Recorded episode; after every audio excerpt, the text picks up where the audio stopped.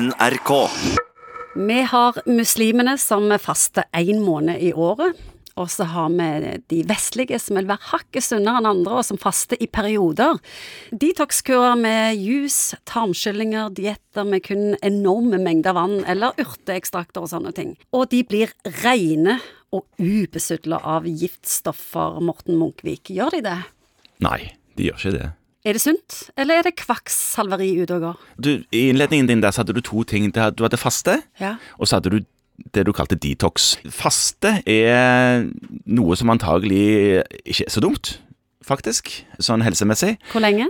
Ja, Det er forskjellige måter å faste på. Noen, Den mest hensiktsmessige måten å faste på er kanskje det å spise litt mindre enn du føler du må. Altså at du spiser til magen er mett, ikke til øynene.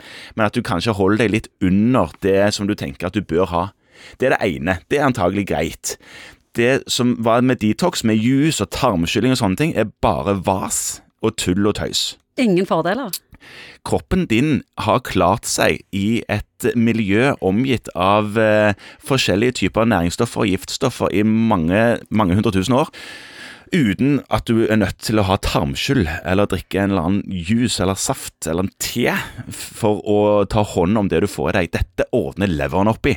Er det sånn at det er ulemper knytta til sånne detox-kurer? Ja, Det negative med det må jo være at man tenker at man må ha det for å bli rein. Og så er det antagelig negativt for lommeboken din òg. Og så kjenner jeg at jeg blir ekstra glad i leveren når du snakker sånn. Den, Ja. tar, den tar det meste. Ta vare på leveren din. Ja. Den, tar, den er dritgod, bokstavelig talt. Og nyrene er òg med på det, og skiller ut det som er drit som vi får i oss. Så folk, eh, hva, skal vi ha noen eh, kloke avsluttende ord om faste og detox-kurer? Ja, det, altså, det med faste kunne vi jo sagt litt eh, mer om, at det er gunstig. Eh, Både Er det sånn ramadan-fasting at du ikke spiser når sola er oppe, og så litt på kvelden? Ja, det er òg en måte å faste på som antagelig ikke er dum.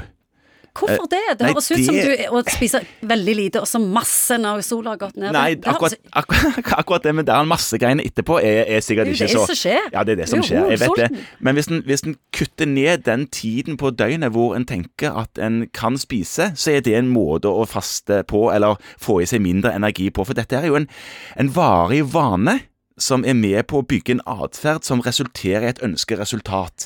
Som er å holde vekten, eller ha, ha- få en kropp som en trives med, og den typen ting. Det er mye bedre å gjøre det sånn, enn å tenke at jeg har et mål om å gå ned i vekt. Hvis du heller lager deg gode vaner, hvor fasting kunne være en veldig god strategi, så er det mye lettere å oppnå et mål. Hvordan definerer du fasting, da? Ja, Som jeg sier, så er det forskjellige måter å faste på. Du kunne enten faste på å ikke spise en dag i uken. Det er jo programmer som er lagd for å få den typen Effekt? effekt, ja. Og så er det det med å spise litt mindre enn det du tenker at du trenger. Det betyr i prinsippet at du går rundt og er sulten ganske mye, men det blir du vant med, for å si det liksom veldig enkelt. Føler ikke det ubehaget du føler i starten av det. Og så er det den siste hvor du kutter ned at du liksom bare har lov å spise kanskje fire timer av døgnets 24 timer. Det, ja, det var voldsomt. Kanskje seks, da. Spise seks timer.